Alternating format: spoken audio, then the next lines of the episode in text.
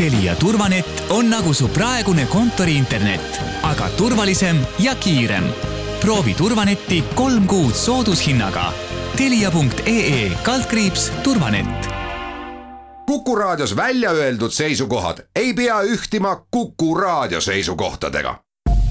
Te kuulate Kuku raadiot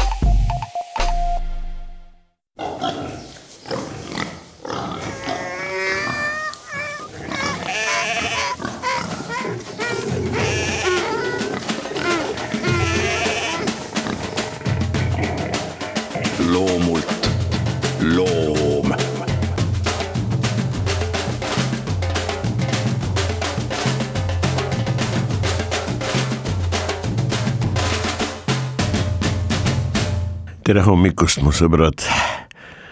Ja ilusat juunikuu algust. et täna on kuues, esimene pühapäev. Ja täna õhtul ma lähen kuulama suurepärast näitlejad, Sergei Tšerkassov, väga väärikas, väga andekas ja väga kogenud äh, Vene Draamateatri näitleja, kes äh, esitab minu lemmiku, ühe minu lemmikut, aga ta on tõepoolest no, no absoluutne lemmik. Äh, lauletaja nimelt Aleksandr Sergejevitš Puškini, Jevgeni Oneginit. ai kui tore päev on täna, väga soovitan, väga soovitan teile mm, noh, vähemalt nendele teie seast, kelle jaoks vene keel on lihtsalt üks jah, võib-olla emakeel, võib-olla siis võõrkeel, aga suus ja kõrvade vahel. just nimelt Tšerkassovi ja tema fantastilise tütre sellised stand-up'id, eks ole, sellised nagu monokontserdid ähm, külastada tähendab, ma ei tee siin reklaami, ma lihtsalt räägin sellest, et mul on õudselt hea meel, et nüüd äh, see on taas võimalik. koroona olukord on paranemas, toh-toh, et mitte ära sõnada ausõna, nii et epidemioloogias äh, teada äh, tavaliselt, mitte alati loomulikult, kuid see on siiski reegel eranditega muidugi, aga see on siiski reegel. teine epideemia laine on kõrgem kui esimene. nii see on haiguste puhul, mis, mille tekitajad tapavad peremehi, nad on ju parasiidid, eks ole, ja meie, teised loomad on siis peremehed. ja vot nii on nende haigustekitajatega, kes tapavad omi peremehi siiski mõõdukalt. reeglina selliste haiguste nagu ebola, letaalsus on tublisti üle viiekümne protsendi, kuni üheksakümmend või näiteks äh, must katk või mustad rõuged. Vot sellised, no tõesti mõrtsuk mõrtsukhaigused. Nende puhul tavaliselt teine laine nii kõrge ei ole. koroona tekitab väga raskeid haigusi ja tapab ka, kuid noh, puhtobjektiivselt meditsiinistatistika seisukohalt näiteks, ta on siiski mõõdukas, tagasihoidlik. Ja see on parasiitidele tegelikult väga omane, kuid see võtab aega. tööd ja aega see nõuab, nii parasiit kui ka peremees, et nad õpiksid teineteisega noh, kuidagimoodi koos eksisteerima, eksisteerima nii, et äh, peremehed naljalt ei sureks äh, ja parasiit siiski püsiks. parasiidid laibas ei ela, nad võivad oodata laibas millal tuleb keegi, sööb laiba ära, võib-olla siis õnnestub sellest söödikust teha endale järjekordne. Hani, kes muneb kuldseid mune, eks ole. kuid äh, jah, selliste haiguste puhul nagu gripp, gripivormid erinevad. Ja nüüd see koroona, üldse koroona, herpeste seas, teine laine tavaliselt on kõrgem. oih, nüüd loomulikult see on meil pandeemia. see on planetaarse maastabiga haigus, järelikult tõenäolisus, et tekib kuskil maailmas uusi, aga edukaid mutante nende tekitajate seas, see tõenäolisus paratamatult on väga kõrge. kuid jah, ikkagi me oleme siin Eestimaal, vot selle teise laine, noh, ma ei julge öelda, et lõpusirgel, aga tublisti, tublisti alla on läinud ikkagi kõik need näitajad ja, ja enam kui kümme korda keskeltläbi. tore, aga loomulikult sel nädalal, teisipäeval, esimesel juunil oli lastekaitsepäeva eriline olukord Tallinna loomaaias ja täiskasvanute pilet oli tavalise, noh, normaalse. see on umbes kaheksa eurot, kui ma ei eksi praegu jah, suvel ähm,. sama hinnaga lapsed tulid, aga päris lapsed, tasuta ja see oli väga tore. meil oli palju toredaid üritusi ja mul on õudselt hea meel, et kevade vastuvõttu ekskursioon kevadel jäi küll ära, kahekümnes märts, karantiini aeg. kuid me seda noh, sündmust korraldasime natukene muudetud kujul. nüüd esimesel juunil proua Tiina Mägi, vana linna koduperenaine, suu suurepärane sõber ja me oleme aastaid niiviisi teinud, et proua Tiina määrab ära kahekümnendal näiteks, eks ole, või kuidas astronoomiline kevad parajasti algab, määrab ära, mis kell kevade tuleb botaanikaaeda, loomaaeda ja teistesse äh, linnaasutustesse. tavaliselt see on väga teaduslikult äh, formuleeritud, no näiteks kell äh, üksteist nelikümmend kolm tuleb kevad, no ma ei tea, botaanikaaeda või siis pooleteise kahe tunni pärast loomaaeda või vastupidi. Äh, seekord meil äh, olid noh, mina juhatan tavaliselt, viin läbi need kevade vastuvõtu ekskursioonid. aga jah, aastaid ja aastaid juba, aga sel aastal nüüd esimesel juunil minu ekskursantideks olid just nimelt lapsed. ja neid oli kahest koolist ja neid oli palju ja kui tublid lapsed. ma noh, loomulikult arvestan sellega, kellele ma räägin, kui ma teen ekskursiooni, kui või pean loengut, eks ole. ja lapsed vanuses kümme, kaksteist aastat toredad inimesed, pole kunagi mulle ega loomadele midagi halba teinud. noh, kaua aega nad suudavad tähelepanelikult jälgida minu zooloogilisi seletusi. Äh, loomulikult sa pead arvestama ka sellega, kuidasmoodi sa neid zooloogilisi üksikasju lastele siis edastad.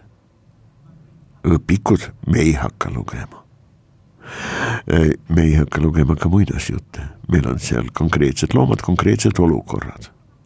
Nii et seda tuleb teha praktiliselt interaktiivselt koostöös loomadega ja loomulikult kuulajatega.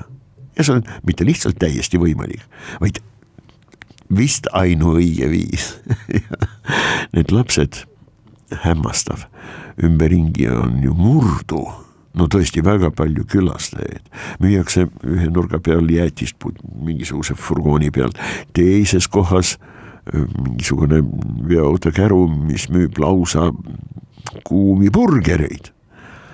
ja need lapsed ja neid oli tõesti üle neljakümne, nad ikkagi kuulasid ja, ja, ja tõesti silmad säravad tähelepanu on suunatud ja võimsalt suunatud just nimelt vot nendele lugudele ja loomadele, kelles need lood on.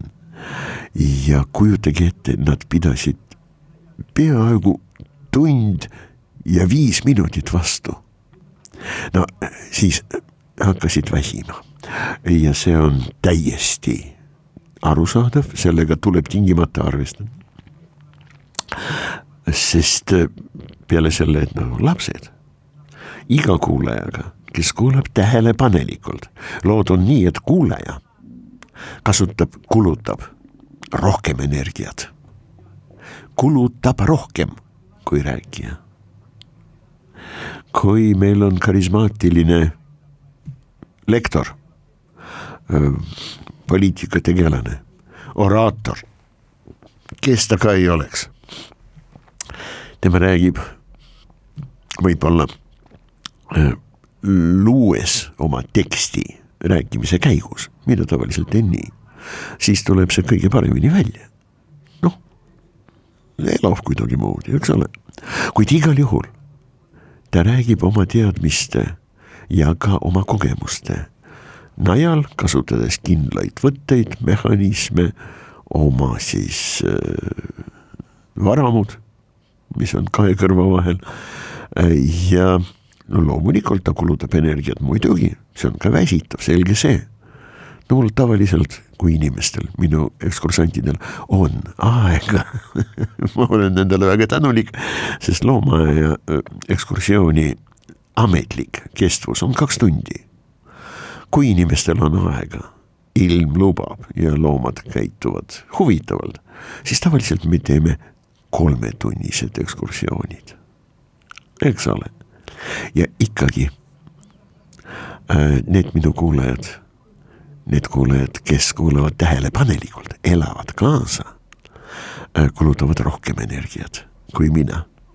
Kolm tundi loomulikult käia ja rääkida, selge see, muidugi ma olen siis kergelt väsinud, aga see on väga mõnus selline no ütleme nii, harjumuspärane, rutiinne väsimus, mis tekitab head rahuldustunnet. oh, ma tegin oma tööd ja vist korralikult, tunnen väsimust. okei okay,, puhka eks ole, kogu lugu. kuid äh, need lapsed ja tõesti, äh, nad hakkasid äh, natukene, natukene hajevil juba niiviisi olles muude asjadega tegelema ja väga paras aeg, see on, see on väga-väga hea tulemus. tund aega tähelepanelikku jälgimist ja kuulamist, vot neljanda-viienda klassi laste puhul, see on tõesti väga hea. no ma tavaliselt, kui mul auditooriumis on õpilased, kes on kaksteist aastat või mõnevõrra vanemad, siis ma tavaliselt väga sõbralikult, heasoovlikult, avaldades kergelt häälega kaastunnet. aga see on väga kindel ja tõsine asjaolu.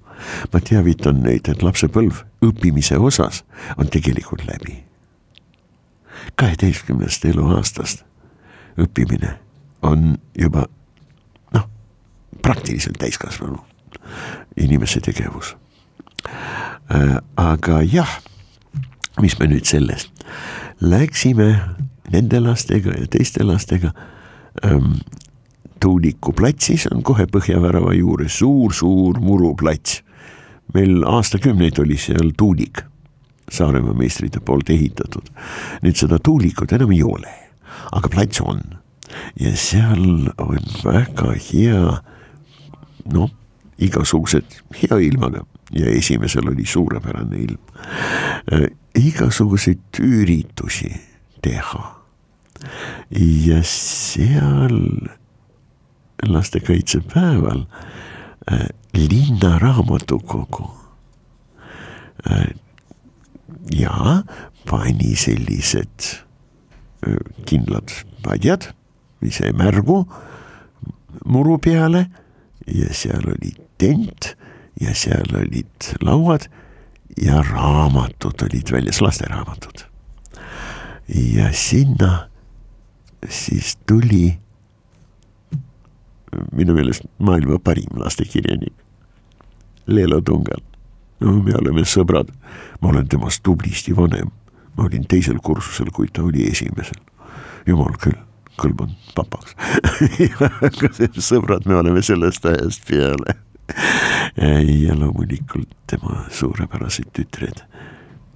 on toredaid ja tubliid inimesi. Jumal tänatud minu sõprade seas. Aga jah, igal juhul sinna läksin ka mina. Ja me Leeloga äh, olime seal raamatukogu palvel, selgus, et see raamat, mida kirjutas Leelo, noh, mind kaasates ega ma teisiti seda mm, nimetada ei saa. no okei okay,, ma ei hakka liialdama Äh, kuid äh, tunnistan ausalt, ma ei, ei saa öelda, et ma olen halb kirjanik. sest äh, või isegi seda ei saa öelda, et ma olen amatöörkirjanik, sest tegelikult ma ei ole päris kirjanik üldse. Ma olen kirjutav zooloog, tegelikult hoopis teine asi, päris kirjanik on Leelo. ja see raamat, Kati, Karl ja isevärki farm on Leelo raamat kus on kaheksateist tekstijuppi, puhtzooloogilised, aga loomulikult kümne-kaheteistaastastele suunatud, mida siis kirjutasin mina? Ja see raamat osutus no tõesti kuidagi väga populaarseks, raamatukogu vaatleb neid asju. Ja raamat, mille järele raamatukogus, linna raamatukogus, lapsed on pidevalt järjekorras. Oli nüüd no üle aasta.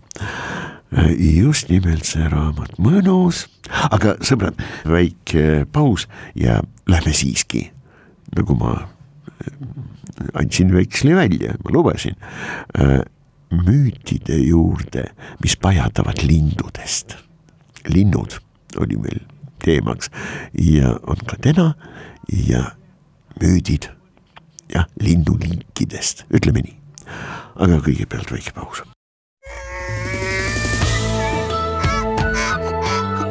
loomult loom.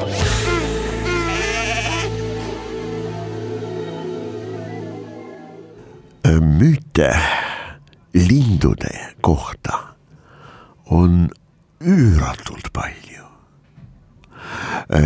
linnud või äh, konkreetsed liigid või ka siis noh, lindude märgilised nii-öelda nende pattern'i, nende kujundi ja nende omadustega elemente. Kaasavaid müüte absoluutselt igal pool, kus elavad inimesed ja kus leidub linde, on üüratult palju. tõtt-öelda ma saaksin võrrelda ainult no ütleme kalade ja madudega. loomulikult imetajatest müüte on ka väga-väga-väga palju. selge see, no kuidas siis teisiti. Äh, karu on ikka metsaperemees, ktooniline tegelane, see tähendab metsiku, äh, looduslikku nii-öelda maailma aspekti.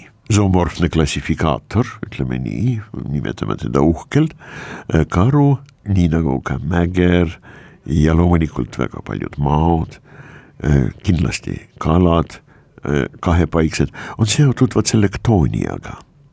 see on selline metsik korrastamata ürgsete jõudude ja kõikide võimetega, kaosega idee kohaselt üsnagi seotud. vaat see maailma aspekt, mitte ainult ollus. see on just nimelt maailma vaatevinkel. Öelda, et maailma osa. no okei okay,, võin ka niiviisi öelda, andku filoloogid mulle ja filosoofid mulle andeks. kuid jah, paraku linnud, vot on väga paljud linnud, kes on ka praktiliselt katoonilise, katooniliste seoste, sidemetega. Tuonella, surnud riik, teispoolsus ja veelinnud Ugri-Soome rahvaste ja kaugeltki mitte ainult Ugri-Soome rahvaste, kõikide kõikide, mitte ainult Põhja-Euroopa, vaid ka Vahemere äh, alade keltide jaoks ülitähtsad ja üks tähtsamatest on just nimelt haigur ja siis vastavalt kurg ja ka toonekurg. vot sellised linnud. Nendel on sirge nokk, suur, terav tugev, sirge nokk. pikad jalad, võimsad tiivad ja väga suured korralikud, noh, esmajärgulised hoosuled, aga ka katesuled ja roosuled on päris suured. ja nad on seotud veega, veekogudega, merega. kõik mainitud linnud ei ole ujujad Nad ei ole veelinnud kui sellised, veelinnud on no näiteks hanelised. luik ja toonellaga on loomulikult seotud ka luik. nii et meil tuleb ka luigist täna juttu. kuid kõigepealt äh, need mainitud veega seotud, aga mitte veelinnud. kaljudel, puudel pesitsevad reeglina maa kohal kuskil väga kõrgel, noh nagu toone kurelistele, see on omane. päris kured, hoopis teine selts, pesa on praktiliselt alati maa peal. nii rukiräägul kui ka sookurel kui ka Siberi valgel kurel punamütsikese kurel, Jaapani ehk õnnekurel, äh, suurel India, tõesti väga suur lind, hästi kõrge. sinkjas hall ühtlaselt ja niisugune ere, karmiinpunane nägu on tal jah, Antigone kurg. nojah, kes nad ka ei oleks, nende pesad on maa peal. kuid jah, kuured, vot nendega on tegelikult, kui me müütidesse, müütide maailma lähme, kured on seotud, see seos on selline mitmekülgne aga kurid on seotud eelkõige tarkuse jumalustega. just nimelt, on ka toonekurelised, kes on tarkuse jumalustega seotud, noh, vanas Egiptuses tood, kirjaoskuse, tarkuse, aga ka arhitektuuri, teaduse, meditsiini suur-suur, väga tähtis selline jumalik patroon, jah, tema lind temal on palju loomseid klassifikaatoreid, no näiteks paavianid, aga paavianidest me praegu ei räägi, väga targad ahvid ja egiptlased teadsid seda.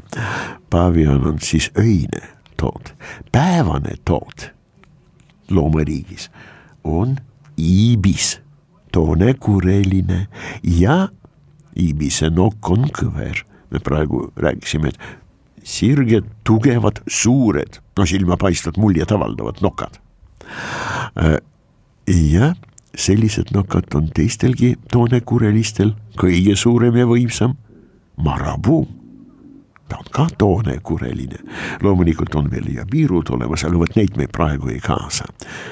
piirdume Vahemere maade ja seal lähedaste alade, eks ole, nagu Egiptus, loomulikult Magriib, Põhja-Aafrika jah, äh, Lähis-Ida, äh, Kreeka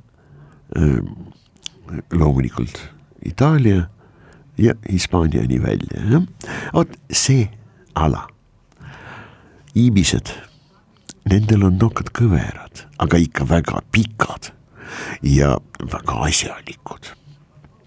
nüüd sealsamas, kus elavad iibised, vähemalt mingil ajal aastas, seal elavad ka luitsnokk iibised, kolpits kellel nokk on väga sirge, aga nii dorsoventraalselt, nii pealt ja alt, eks ole, lamenenud ja ots on laienenud, sellise nokaga on väga hea mudast igasuguseid maitsvaid raasukesi, eks ole, ja asjakesi otsida ja välja võtta. ja on täiesti võimalik, et kõik mainitud linnud võib olla välja arvatud päris kured äh,. On olnud müütide arengu käigus seotud stümfaali soo hirmsate lindudega, stümfaliididega. see on Heraklase ehk Herkulesi kuues vägitegu. Nende jubedate lindude hävitamine. Äh, müütide ja neid müüte muuseas stümfaali lindudest, neid on päris palju. Äh, nende müütide kohaselt nendel lindudel olid pronksist suled kujutage ette, pronksis sulg kukub kõrgelt, loomulikult nagu suuotsaga sinu poole, eks ole, ja lööb sind pähe. no see on tõesti surm, kui midagi niisugust leiaks aset. Nende pronksist, no tol ajal, kui see müütide süsteem arenes ja tekkis. Rauda, noh, kes kasutasid rauda, noh, mõned harjalased, eks ole. Aga kah vähe. Hetiidid ilmselt kasutasid rauda kah, mitte kohe. enamasti see oli ikkagi pronks, pronksi ajastu kah. Äh, nii et suurepärane metall, sulam, see on siis tina ja vase peamiselt, sulam. Ähm, kui seda teadlikult teha ja lisada veel teisi metalle no siis lõpuks saab kätte ka sellist asja nagu astronoomiline pronks. ja sellest kõvemat metallivatet ei olegi. no ma ei tea, kuidas titaani sulamitega lood on. astronoomiline on see sulam nimetatud astronoomiliseks sellepärast, et äh, sellest sulamist alusele paigutakse teleskoope. teleskoop peab olema suunatud absoluutse täpsusega kindlas suunas. et kui me uurime mingisugust tähte ja päevade ja aastate kaupa viisi, siis loomulikult see teleskoop ei tohi vahetada nii-öelda oma positsiooni, ka siis, kui alus liigub, ei tohi teleskoop kuskile noh nihkuda. see peab olema üli kõva ollus. ja astronoomiline pronks on selline. nii et Stümfali suured linnud kirjelduste kohaselt nad tõesti toonekurelisi meenutavad ja väga tõsiselt. oma suure pika sirge ja teravatipulise nokaga ründasid no metallist rinnaplaate sõduritel, lõid puhtalt vaat sellest kürassist, eks ole, turvisest läbi ja tapsid imi, inimesi. ja Herkules, see oli tema, jah, kuues kindlasti, kuues vägitegu, ajas neid Stümfaaliast minema. sellised lood.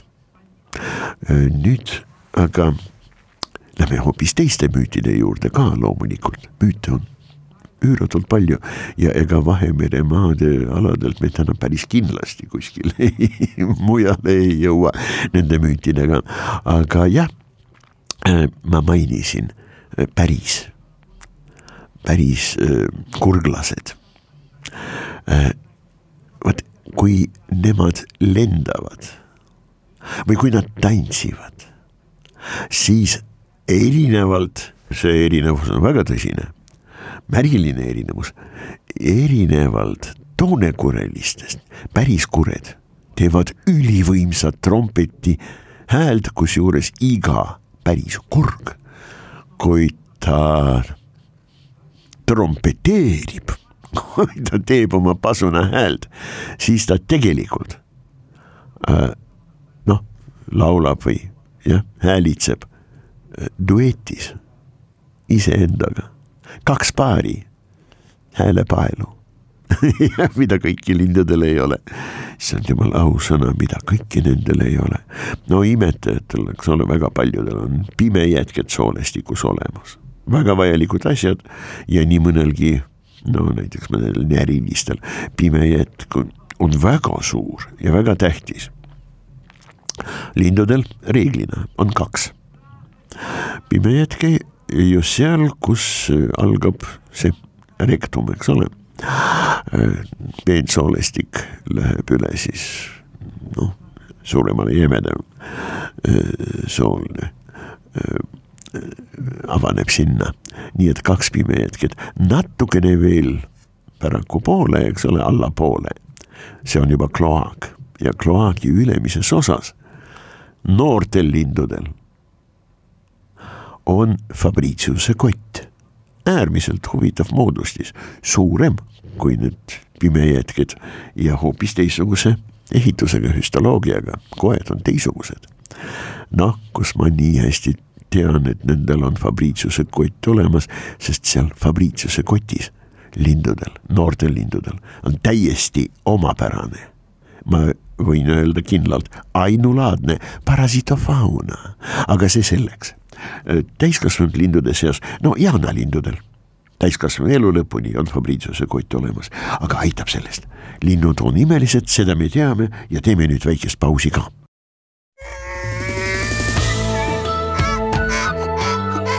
Loomult loom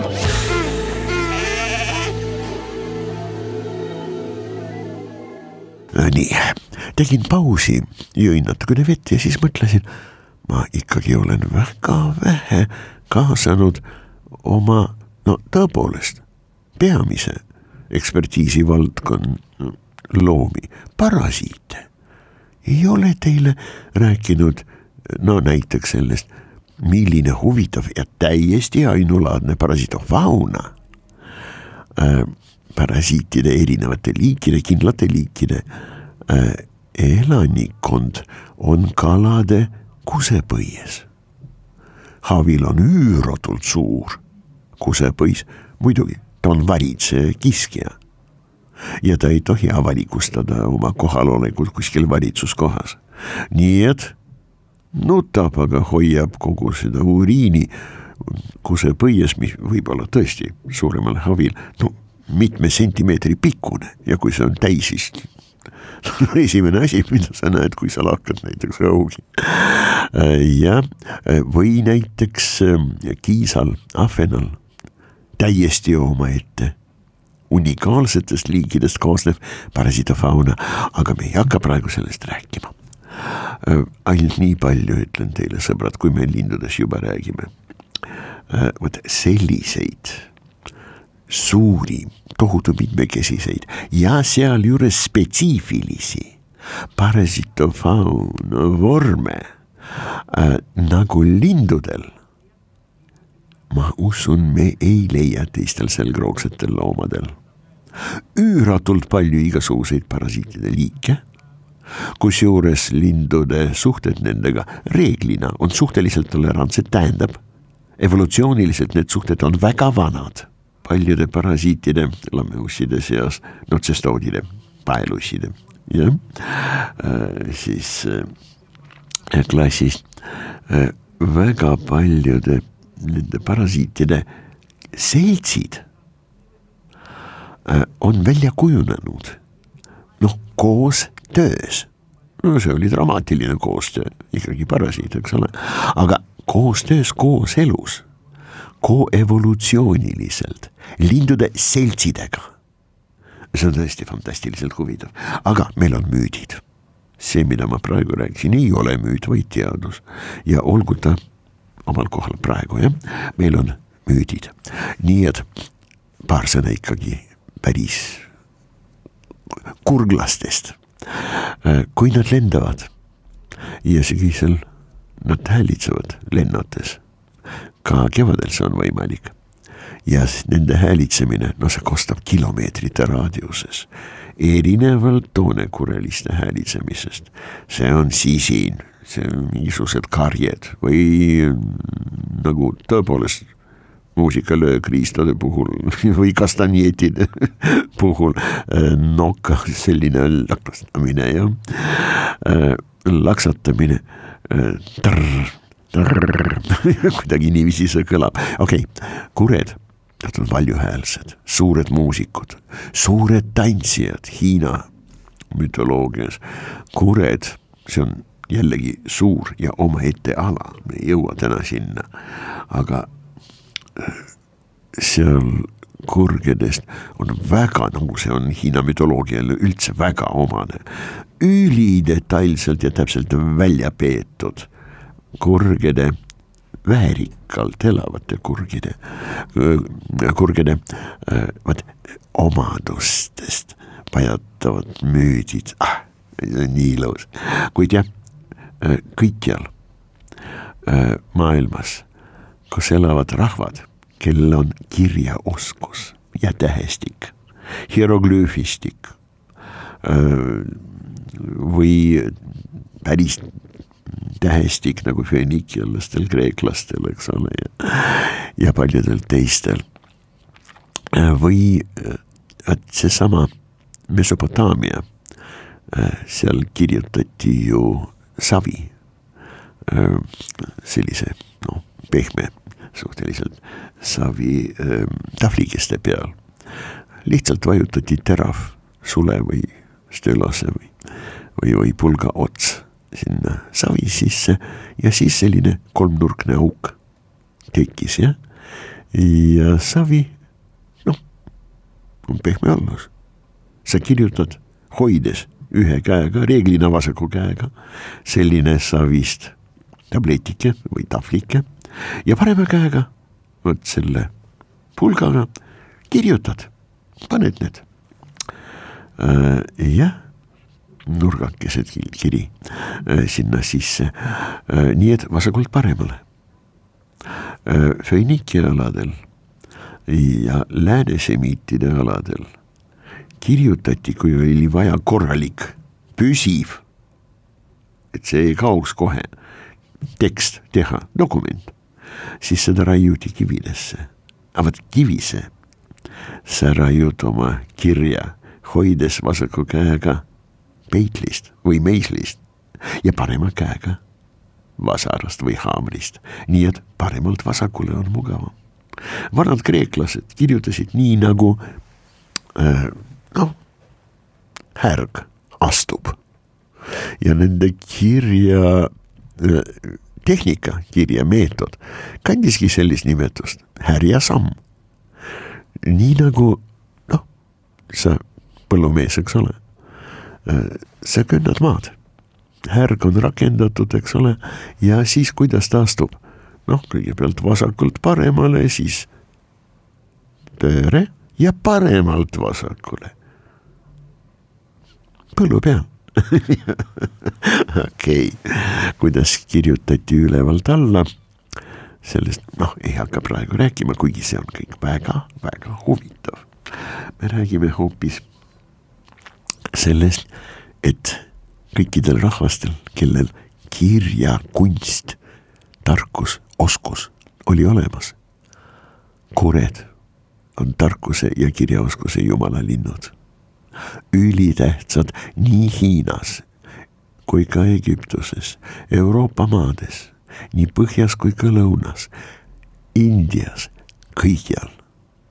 hämmastav, tõepoolest, aga jah, me rääkisime nüüd päris jubedatest ktoonilistest lindudest. noh, jube, see on põnev. kui see jubedus ei ähvarda sind, vot otse silmadesse ei vaata jah, siis jubedus muidugi on põnev, selge see, tekitab sensatsioone.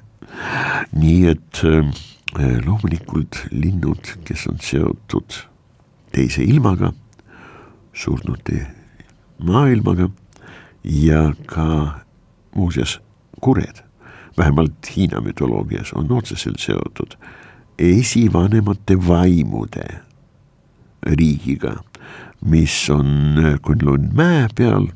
no see mägi pidi olema umbes kaks tuhat kilomeetrit kõrge või rohkem isegi.